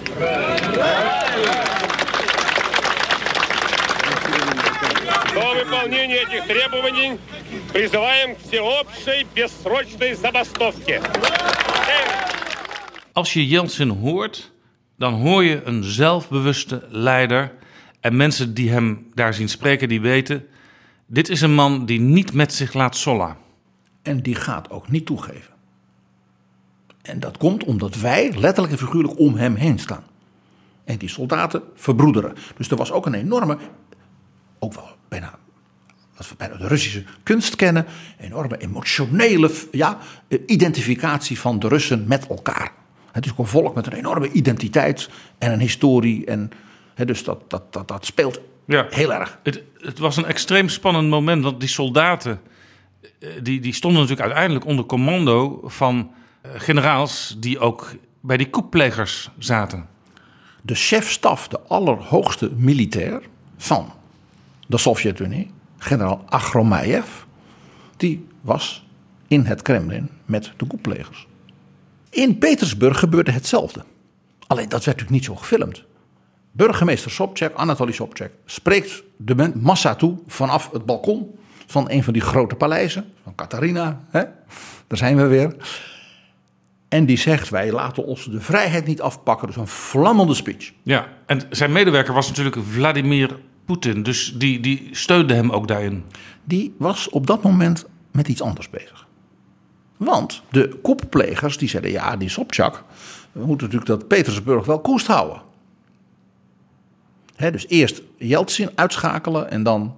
Dus Hij stond op het lijstje. Ja, dus er was een tankkolonnes waren op weg naar Petersburg. En het is Vladimir Poetin geweest die op verzoek van burgemeester Sobchak is gaan bellen met die KGB-commandanten. Dus die kende hij. Dat hadden wij al vastgesteld. Ja, die spraken elkaars taal. Die spraken elkaars taal, letterlijk en figuurlijk en zo nodig het Stasi-Duits. En Poetin zegt: parkeer nou die tanks aan de gemeentegrens. Zou het nou nodig blijken, kunnen jullie onmiddellijk ingrijpen, maar we moeten de zaak niet ophitsen, want dan gaan er natuurlijk doden vallen op straat en dat willen we niet. Orde moet er zijn. Hier toont Poetin zich dus ook van zijn pragmatische kant, zou je kunnen zeggen. En toch ook van zijn leiderschapskwaliteiten, waar, waar dus Anatoly Sobchak gebruik van kon maken. Die wist dat hij daar gezag had. Yeltsin gaat terug, hè, klimt van die tank af, gaat dat Witte Huis weer in. De mensen buiten juichen, juichen en juichen. En als Yeltsin weer binnen is, praat Diane Sawyer van het Amerikaanse ABC Nieuws met Yeltsin. Yeltsin's eyes were red with fatigue, but the energy was still there. We had intercepted radio communications which confirmed that it's true that the tanks were moving in this direction. Yeltsin says that's when he sounded the alarm to President Bush and British Prime Minister Major and placed a direct call to his enemies, too, warning that the world would hold the junta responsible for any bloodshed. Right now, you think the tanks are not going to roll. I'm not sure the danger is still there. But you're all going to stay here, all of you, no matter what. We've been here almost 48 hours now, and we're going to spend the coming night here too. We are not leaving the battlefield. Diane Sawyer inside the uh, Russian Federation headquarters. Hij neemt de telefoon op als president Bush hem belt. En we zijn nu op 20 augustus. Dus maar dag 2 van de coup. En Bush die zegt, eh, president Yeltsin, wat weet u wat ik niet weet? Nou, Yeltsin zegt, ik weet niks, maar ik weet wat u moet doen, Mr. President. U moet gaan rondbellen, hier in Moskou. En u moet Mitterrand en Kohl en John Major en Ruud Lubbers en nou, hè, vul maar in. Ja. En die, die van Canada, Mulroney, die moet u allemaal bellen. En die moet u zeggen dat ze hun ambassadeur in Moskou moeten bellen. En de Russische ambassadeur in eh, Ottawa en in Den Haag. En die moet u allemaal zeggen, kan, kunt u voor mij een afspraak regelen? Want ik maak mij zorgen over de gezondheid van Mikhail Gorbachev en zijn lieve Raisa. En ik wil even met hem kunnen bellen en hem sterkte wensen. En misschien is er wel een dokter in mijn land die hem kan helpen. Ja. U moet zeggen, ik wil Gorbachev spreken. Want als die man ziek is, dan wil ik me kunnen opbeuren. En desnoods vraag ik de inmiddels afgetreden Maggie Thatcher, die zo dol op hem is. En hij is zo dol op haar, dan belt ze hem ook wel. Ja, met andere woorden, de, de koeplegers die moeten signalen krijgen eh, dat de wereld niet zomaar met hen meegaat. En net doen of ze geloven dat, Gorbachev Gorbachev ziek is. Echt ziek is. Bush die zegt tegen James Baker en tegen Condoleezza Rice, dat was de Rusland-adviseur van president Bush. Die gekke Boris. En die zeggen alle dat is een heel erg goed idee. Want die snapte hoe Rusland werkte. En hoe zo'n koep, zo'n, wat jij zo mooi noemt, junta werkte. Dus er komt een golf telefoontjes uit heel de wereld naar het Kremlin. Naar hoge Sovjet, met, eh, ja, ambassadeurs en in het hele Westen. Dat was natuurlijk het laatste waar die koeplegers op berekend waren. Die hadden helemaal geen tijd om eh, daar überhaupt die telefoon aan te nemen van al die eh, diplomaten. Je bent en je hebt, je hebt nog een eh wodka genomen. Nadat je met de trillende handen die persconferentie had gegeven. Dan gaat de telefoon en jouw secretaris zegt... Ja, ik heb François Mitterrand aan de lijn. Je weet, die man was natuurlijk bang voor iemand als François Mitterrand. Ja, Ja. ja, jij snapt hem. Dus in het Kremlin en bij de KGB, met meneer Khrushchev, breekt paniek uit. Ze zeiden, als wij nu niet gaan reageren... of zeggen, nee, nee, nee, nee, eh, eh, mevrouw Thatcher kan niet bellen... naar haar vriend. Misha. Mr. Janaev, can I help you? I would really, really value to speak with my friend Misha and his darling Raisa. To ask them if they're well. Ja? Je, hoort, je hoort het voor. Het was ook een briljante set van, van, van Yeltsin. Dus dit is een al element van de tragische held Boris Yeltsin. Wat we dus niet wisten op dat moment. Ik bedoel, als en Baker en Condi zeggen, maar dat is een bril, brilliant move. Nou, dan eh, ben je goed bezig. Ja. Want ja, als zij dat zouden afstoppen, hè, het Kremlin en Janajev en Khrushchev, dan zeiden dus die westerse leiders allemaal, dat betekent dus dat Misha dood is. Of hij is dus helemaal niet ziek. Wat is er dan wel aan de hand? Had Bush geen behoefte om Janaev zelf rechtstreeks te bellen? Ja, Bush wou dat die modererende lijn. Net als toen met de oude Deng. Dus hij dacht, maar ik doe dat niet achter de rug van Yeltsin om. Dat was duidelijk. Dus hij zegt tegen Yeltsin, ik zou die Ganayev ook wel zelf kunnen bellen. Want een beetje druk erop zetten. Ik heb hem bovendien een tijd geleden eh, in Kiev ontmoet. Dus ik heb ook nog een soort... Hij weet wie ik ben en hij weet ook dat, hoe ik tegenover Gorbachev sta. Dan kan ik ook zeggen, u blijft wel van die Yeltsin af en ik wil... Waarop Yeltsin zegt, Mr. President, dat moet u absoluut niet doen. Want dit is een junta. Putschisten. En die krijgen als u officieel uit Washington, als president van Amerika, een contact wil met Janajev, dan krijgt hij legitimiteit. Dit is hetzelfde wat op dit moment speelt met de erkenning, al dan niet van de Taliban. Eh, kunnen wij rechtstreeks praten met die mensen? Dat zou handig zijn, want ja, dan kun je invloed uitoefenen en dan weet je ook precies wat eh, hen drijft en wat, wat ze werkelijk gaan doen. Eh, of is dat gevaarlijk? Want ja, dan krijgen ze legitimiteit en dan gaan ze helemaal nooit meer weg. Weet je waar dit ook aan doet denken? Aan de kritiek die bijvoorbeeld de Europese Unie kreeg. Dat ze een niet zo hoge ambtenaar aanwezig lieten zijn bij de inzwering van de nieuwe president van Iran.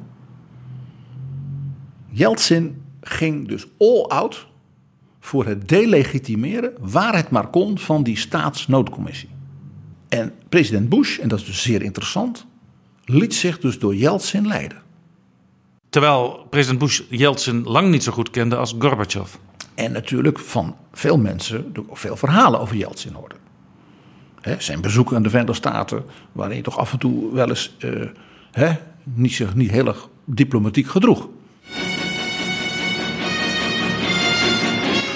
For the estimated 250 million viewers of Vremya, the nightly Soviet TV newscast, tonight's broadcast was a study in mixed messages.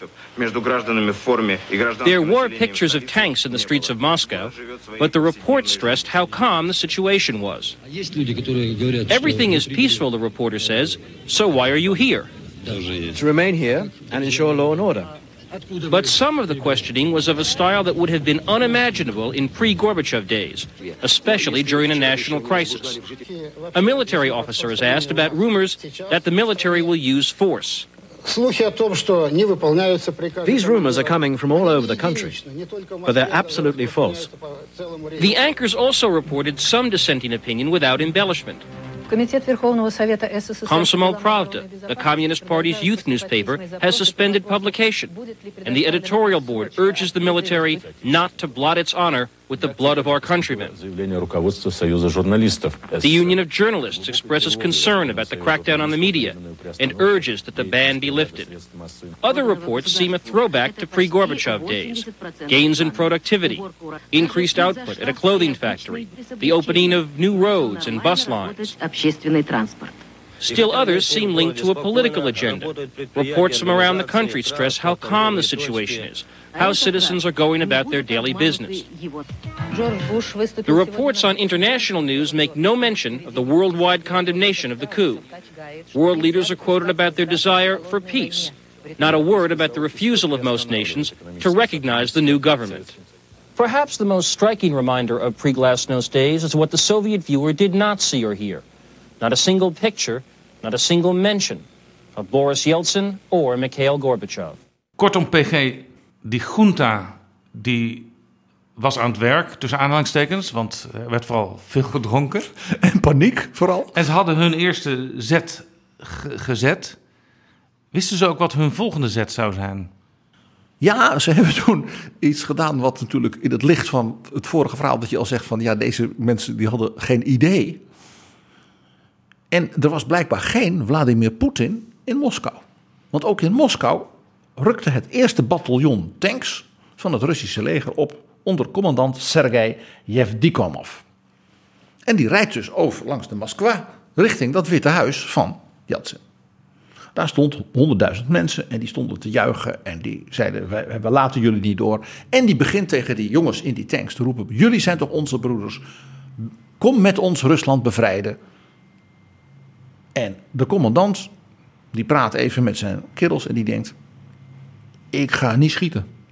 En die zegt: Wij draaien om. Dus die tanks zijn gaan keren en gingen met hun kanonnen dus naar de, van het Witte Huis. En wij beschermen hiermee dus het volk en Jatsen. Op dat moment dus gaat in het Kremlin natuurlijk al het licht uit. Ja, want de, de, de sterke arm van uh, het, het militaire is er op dat moment niet meer. Het Rode Leger, de bevrijders ja, van de, in de grote Vaderlandse oorlog, die Berlijn hadden ingenomen. Hè. Stalin was een slechte kerel, maar hè, dat wil Russen altijd roepen. Dus de KGB en Janajev die beseffen, wij raken inderdaad al onze legitimiteit kwijt. En er dreigt een burgeroorlog als wij nu, zeg maar, KGB-knokploegen naar uh, commandant uh, Yevdikomov sturen. Ja. Want daar gaat er geschoten worden. En in Petersburg is de zaak nog steeds koest. Dus alles ging zich richten op Moskou. Vladimir Poetin hield Petersburg koest. He, daar stonden ze aan de gemeentegrens geparkeerd. PG, jij vertelde dat uh, Gorbachev dus onmogelijk kon praten met de buitenwereld. Die wist dus van niets. Op de Krim. Dat zijn vrouw zwaar in paniek was. En ik kan me voorstellen dat je daardoor zelf ook uh, een beetje in paniek raakt. En dat kleindochtertje was er. Die, dat kind was natuurlijk ook verschrikkelijk bang. Hoe ging dat verder daar? Nou, hij hoort dan van zijn bewakers, dus die KGB-groep, die natuurlijk wel wist wat er gebeurde. En die dachten, dit gaat fout. En ik sta straks tegen de muur. Ja? Dus die gingen ineens zoete broodjes maken met Gorbachev. Ja, ja. En die zeiden, ja, er zijn twee groepen onderweg. En zodra één van die twee er is, dan geven wij ons over. Want wat bleek, ja, het is toch toch Rusland, eh, laat ik zeggen, niet heel erg goed georganiseerd allemaal. Maar wel, eh, ik zou maar zeggen, actie. Dus er was een knokploeg van Jeltsin onderweg van het vliegveld van Moskou naar de Krim. Naar Ja. Voros. Dat had Jeltsin dus eigenlijk op eigen houtje geregeld. En daar zou meevliegen namens James Baker, de tweede ambassadeur, dus de vice-ambassadeur van Amerika. Ja, de eerste secretaris. Die dus dan daar ter plekke, weet je wel, even namens het Westen kon zeggen: eh Michael, er wordt voor je gezorgd. eh, en die kon eventueel de rechtstreeks dan, hij had natuurlijk een communicatiespul Ja. bij zich, met Bush, met Baker bellen. Ja, en symbolisch ook een belangrijk beeld. Een hoge vertegenwoordiger van de Verenigde Staten bij de eerste beelden van Gorbachev die we na enige dagen weer zien. Dat ging alleen niet helemaal zoals gepland. Want het was natuurlijk een totale chaos op het vliegveld. Dus elkaar, nou ja, blokkerende eh, KGB en leger en de, en de Aeroflot en wat dan niet. Dus het vliegtuig dat de Yeltsin-knokploeg naar de Krim zou halen, dat kon die Amerikaan niet vinden. Dus die is niet meegevlogen. Er was inmiddels ook een delegatie van de koepplegers die naar Voros onderweg was. En was dat ook een delegatie die zelf ook eh, onzeker was geworden? En waar, die dus dachten, eh, misschien moeten ook wij maar weer zoete broodjes met hem gaan bakken, want eh, onze koep die dreigt te mislukken. Nou, het idee van die groep was van... secretaris-generaal, misverstand. Wij komen u bevrijden. We zijn slechterikken, dus u gaat met ons nu mee. Wij beschermen u terug naar Moskou. Het werd zo langzamerhand een klucht. Dat was het ook inderdaad. James Baker is op dat moment vanuit Wyoming via Washington naar Brussel gegaan. Want daar was een spoedtop van de belangrijkste ministers van Defensie en Buitenlandse Zaken van de NATO. Zo ernstig werd dus de situatie ingeschat. En niet ten onrechte natuurlijk. Ja. En die vergadering begint. En op een bepaald moment loopt Manfred Werner, de vroegere Duitse minister van Defensie, nu secretaris-generaal van NATO, die loopt weg uit de vergadering en zegt: Sorry, kerels, sorry. Dat was heel ongebruikelijk, want hij zat voor. En na tien minuten komt hij terug. Hij zegt: Ik kreeg een spoedtelefoontje. En ik werd gebeld door Boris Yeltsin. Die dacht: Wie kan ik nou beter bellen dan de. Want daar zit James Baker en al die andere ministers die ik eigenlijk moet hebben. En hij zegt: De koep is over, Gorbachev is vrijgelaten. Dus Baker zegt: Daar ging een hoeraatje. Ja? Wat deed James Baker? Dat weet u dus nu uit dat boek. Jij denkt, die gaat natuurlijk onmiddellijk president Bush informeren. Antwoord is nee. Ja. Hij belde, dat is een van de zeg maar, meer mysterieuze dingen in het boek. Dus dat heeft Peter Baker niet mogen opschrijven. Behalve dat hij dat deed. Hij heeft toen gebeld met iemand in Moskou. Schrijft Peter Baker. En daarna met president Bush. Dus hij wilde eerst een verificatie vanuit het hol van de leeuw zelf. En dat was dus niet Boris Yeltsin. Dus dat was een vriend of een spion van Baker in de staf van Yeltsin en of de staf van Gorbachev, waarvan hij zei: hè, eh, Dimitri, is it true? En Mitya zei: Dwa, pravda, het is waar. En toen heeft hij president Bush gebeld. En toen zei hij: Jij moet nu, George, gaan bellen en bellen en bellen met het Kremlin, met eh, het directe nummer eh, van Gorbachev op de Krim. En bellen, bellen, bellen. Druk erop, druk erop, druk erop. Want je weet maar nooit wat er nog allemaal mis kan gaan. Ja. En het was ook de vraag wanneer er weer een verbinding zou zijn met de Krim. En in het begin van de middag, Washingtonse tijd, kwart over twaalf, ineens is er verbinding. En we hebben letterlijk, dankzij Peter Baker, de eerste zinnen van dat telefoongesprek. Hoe ging dat? Bush die hoort dus ineens, er is verbinding en er wordt opgenomen. En die hoort dus in het Russisch de stem van Gorbachev. En die roept: Oh my god, this is wonderful, Michail. Dat wordt ook in het Russisch vertaald door het State Department. Er zit een tolk bij. En Gorbachev hoort meteen aan die uh, in het Engels uitgesproken woorden wie hij aan de lijn heeft. Dat is zo grappig. Hij zegt dus niet: This is the president of the United States. Hij roept gewoon: Oh my god. Dat spoot eruit natuurlijk. Ja?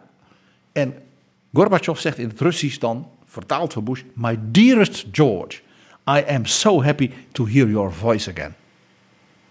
Dit is natuurlijk het meest unieke telefoongesprek in de geschiedenis tussen de president van Amerika en een leider van de Sovjet-Unie. En Bush zegt dan: My God, I'm glad to hear you. How are you doing? En Gorbachev is meteen weer in zijn rol. Want hij zegt: Mr. President, the adventurers have not succeeded. De avonturiers zijn niet geslaagd. dus eerst My Dearest George en toen in functie weer. Op dat moment is er ook een tragedie. Want Raisa Maximova heeft in die dagen van spanning een TIA gekregen. Die natuurlijk niet behandeld is. Dus toen zij met haar man en kleindochter van de Krim teruggingen naar Moskou. Hè, dat zijn beroemde beelden dat je dus Gorbachev in een soort zomervakantiepak de traf die afloopt, dan zie je dus dat kleindochtertje haar oma vasthouden. En je ziet hier is een vrouw, daar is, dat is een ruïne. Is een grote verdriet ook van Gorbachevs leven. Dat weten we, dat dus haar gezondheid nooit meer goed is geworden. Ook macaber dat de koepplegers zeiden Gorbachev is ziek. Maar dat zijn lijfarts er op de Krim niet bij was. Om dat, te helpen. Daar zeg je iets, ja. Dat is een, echt een echte tragedie. De massa's in Moskou en Sint-Petersburg, die hoorden dit natuurlijk. Dat, dus die gingen met miljoenen de straat op en juichten en juichten. Yeltsin, Yeltsin.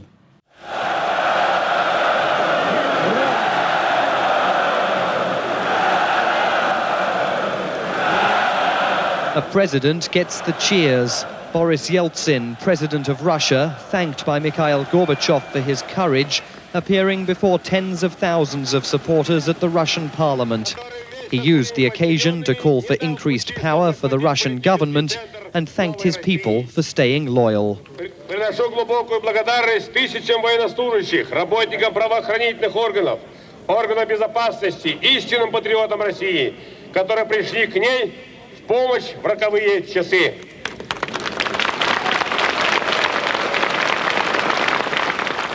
En die bleef natuurlijk toch de politieke machtsdier wat hij was. Ja, want dat is ook een beeld wat uh, mensen die dat toen volgden zich nog heel goed kunnen herinneren. Het parlement kwam bijeen. En uh, iedereen was natuurlijk blij, want ja, grote meerderheid van de, de, de, de Yeltsin-partij, zou ik maar zeggen. en daar sprak natuurlijk Gorbachev en daar sprak ook Yeltsin. Yeltsin zat voor. En dat zag er tussen die twee niet heel gezellig uit, to put it mildly. Nee, want Gorbachev die trad weer op als de leider van de Sovjet-Unie. En zij waren zijn onderdanen. En zo voelden ze zich natuurlijk niet meer. Hij nam eigenlijk een, een ja, dominante, autoritaire positie meteen weer in. En Yeltsin die heeft toen gezegd... Die onderbrak hem zelfs. Die ja. liep naar hem toe, naar het spreekgestoelte. Met een stuk papier. En die fluisterde hem iets in het oor. En die zei: Hier is dat papier en lees maar voor. En dat was dus de verklaring van de staatsnoodcommissie. voor het geval ze dus het Witte Huis hadden kapotgeschoten en Jeltsin dood was.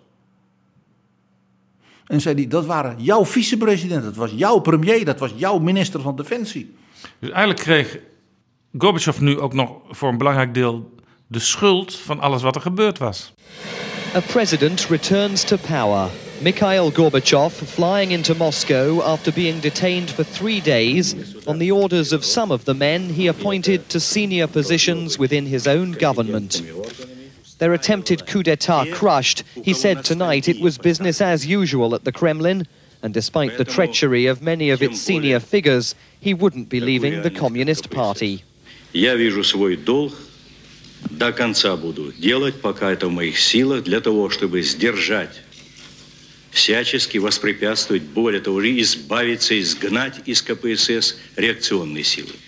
Мы должны все сделать для того, чтобы реформировалась партия и стала живой силой перестройки. Die marginalisering van Gorbachev, die dus deze koeplegers ja, zover had gebracht, was ook de schuld van Gorbachev, vond Yeltsin. Gebrek aan leiderschap. Ja. Er was bovendien nog iets gebeurd, dat wist iedereen op dat moment.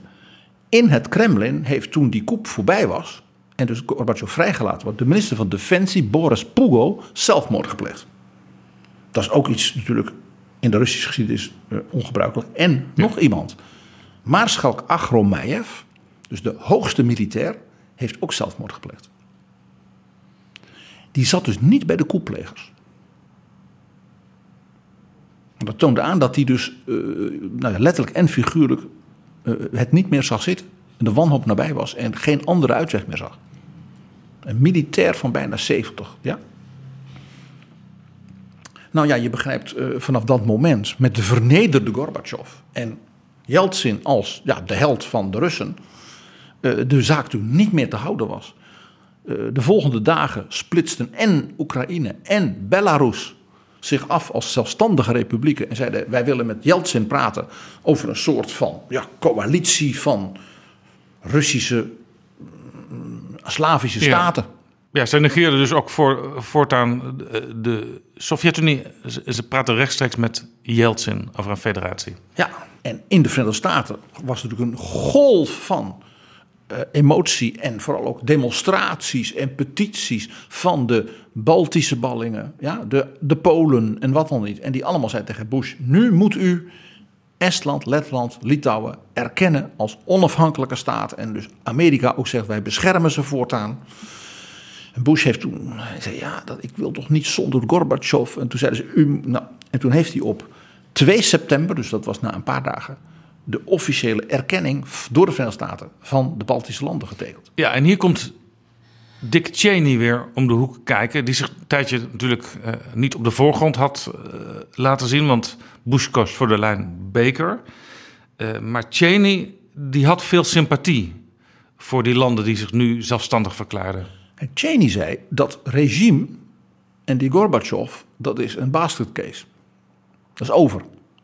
Wij als Amerikanen moeten dus het proces versnellen van relaties met die landjes. Kleine landjes, middelgrote landjes, Oekraïne, groot Om ze meteen in de democratische familie in te lijven. En natuurlijk de Amerikaanse, daar moet een ambassadeur, daar moet, daar moet, ook, daar moet de CIA moet natuurlijk een hoofdkantoor hebben. Ja, Cheney is natuurlijk een, een echte machtsdenker. En dat is uitgewerkt, dat plan, met mooie tussenstappen, zodat Baker en Bush als het ware schriet voor schriet op zijn Merkelachtig dat zou kunnen doen. En dat is gemaakt door Bob Gates. De man die later bij Bush junior... Minister van Defensie werd. En vicepresident Cheney. En zo zie je dus Condi Rice en Bob Gates toen dus al sleutelrollen. En dat bleef zo in de Bush-dynastie. Baker heeft toen gezegd: nee, Dick Cheney, ik lees nu voor uit zijn memo in antwoord.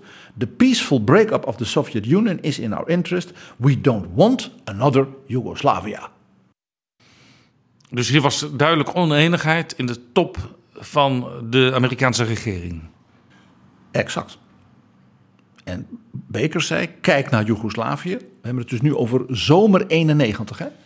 Hij zegt: Slovenië scheurt af, hè? nu voorzitter van de Europese Unie. In Kroatië dreigt al een burgeroorlog. Die Servische uh, generaals die hebben zoiets van: uh, Joegoslavië is dood, leven Servië en wij hebben de wapens. Baker zag dus in 91, het gaat daar helemaal fout. En als wij niet oppassen, gaat het in de Sovjet-Unie ook fout. En dan wordt misschien Boris Yeltsin met al zijn streken en dingen afgezet door een generaal. Nou, Agromeyev pleegt, zelfmoord. Dus daar in de top van het leger is het ook een puinzooi nu. Dus Baker zei, rustig, rustig, rustig. En in Moskou gebeurt het tegenovergestelde van wat die koeplegers hadden gewild.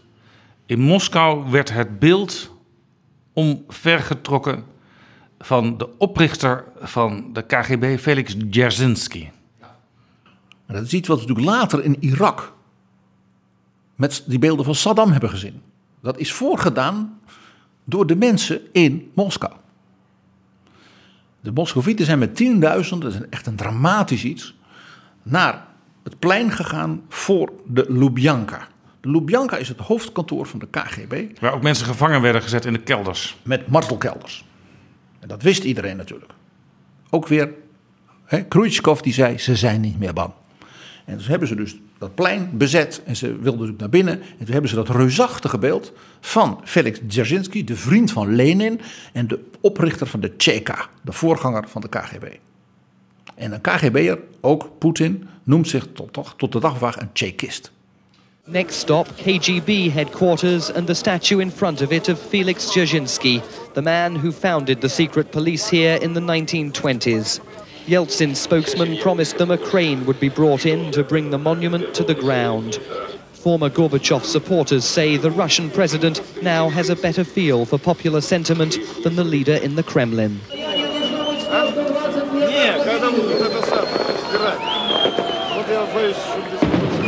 Tonight, a fireworks salute ordered by Boris Yeltsin rang out across Moscow to celebrate the end of the coup.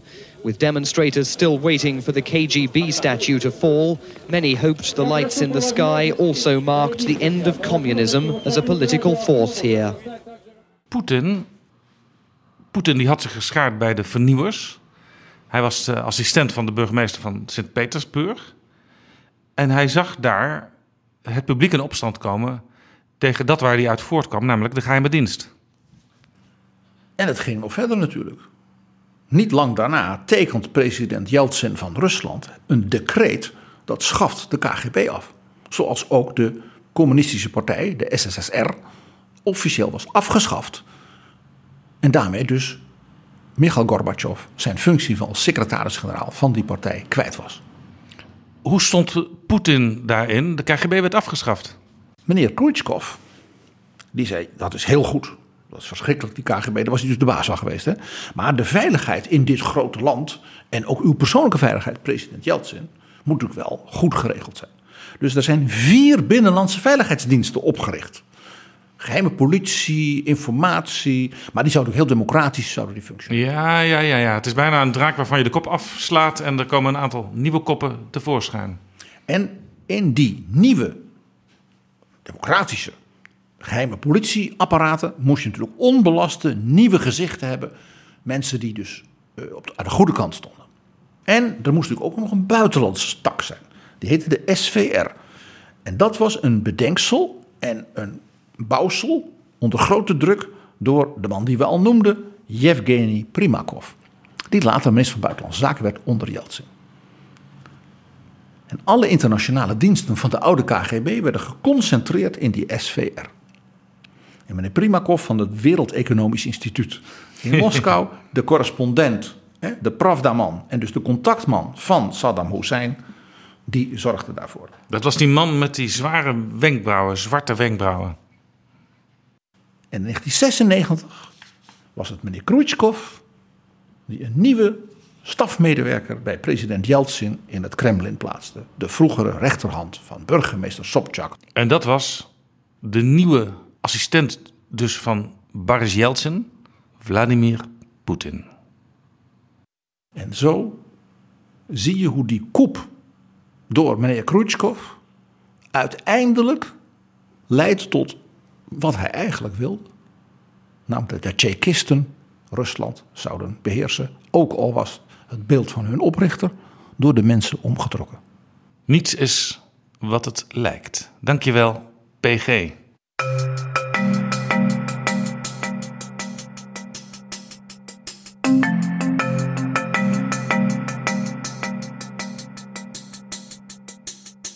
Zo, dit was Betrouwbare Bronnen aflevering 211. Deze aflevering werd mede mogelijk gemaakt door de Europese Unie en natuurlijk door de vrienden van de show. Mensen die met een donatie hun waardering voor ons laten blijken. Ben jij nog geen vriend? Laat daar dan nu meteen verandering in komen. Ga naar vriendvandeshow.nl/slash bb en help deze podcast mede mogelijk maken. Vriendvandeshow.nl/slash bb. Tot volgende keer. Betrouwbare bronnen wordt gemaakt door Jaap Jansen in samenwerking met dag en nacht.nl.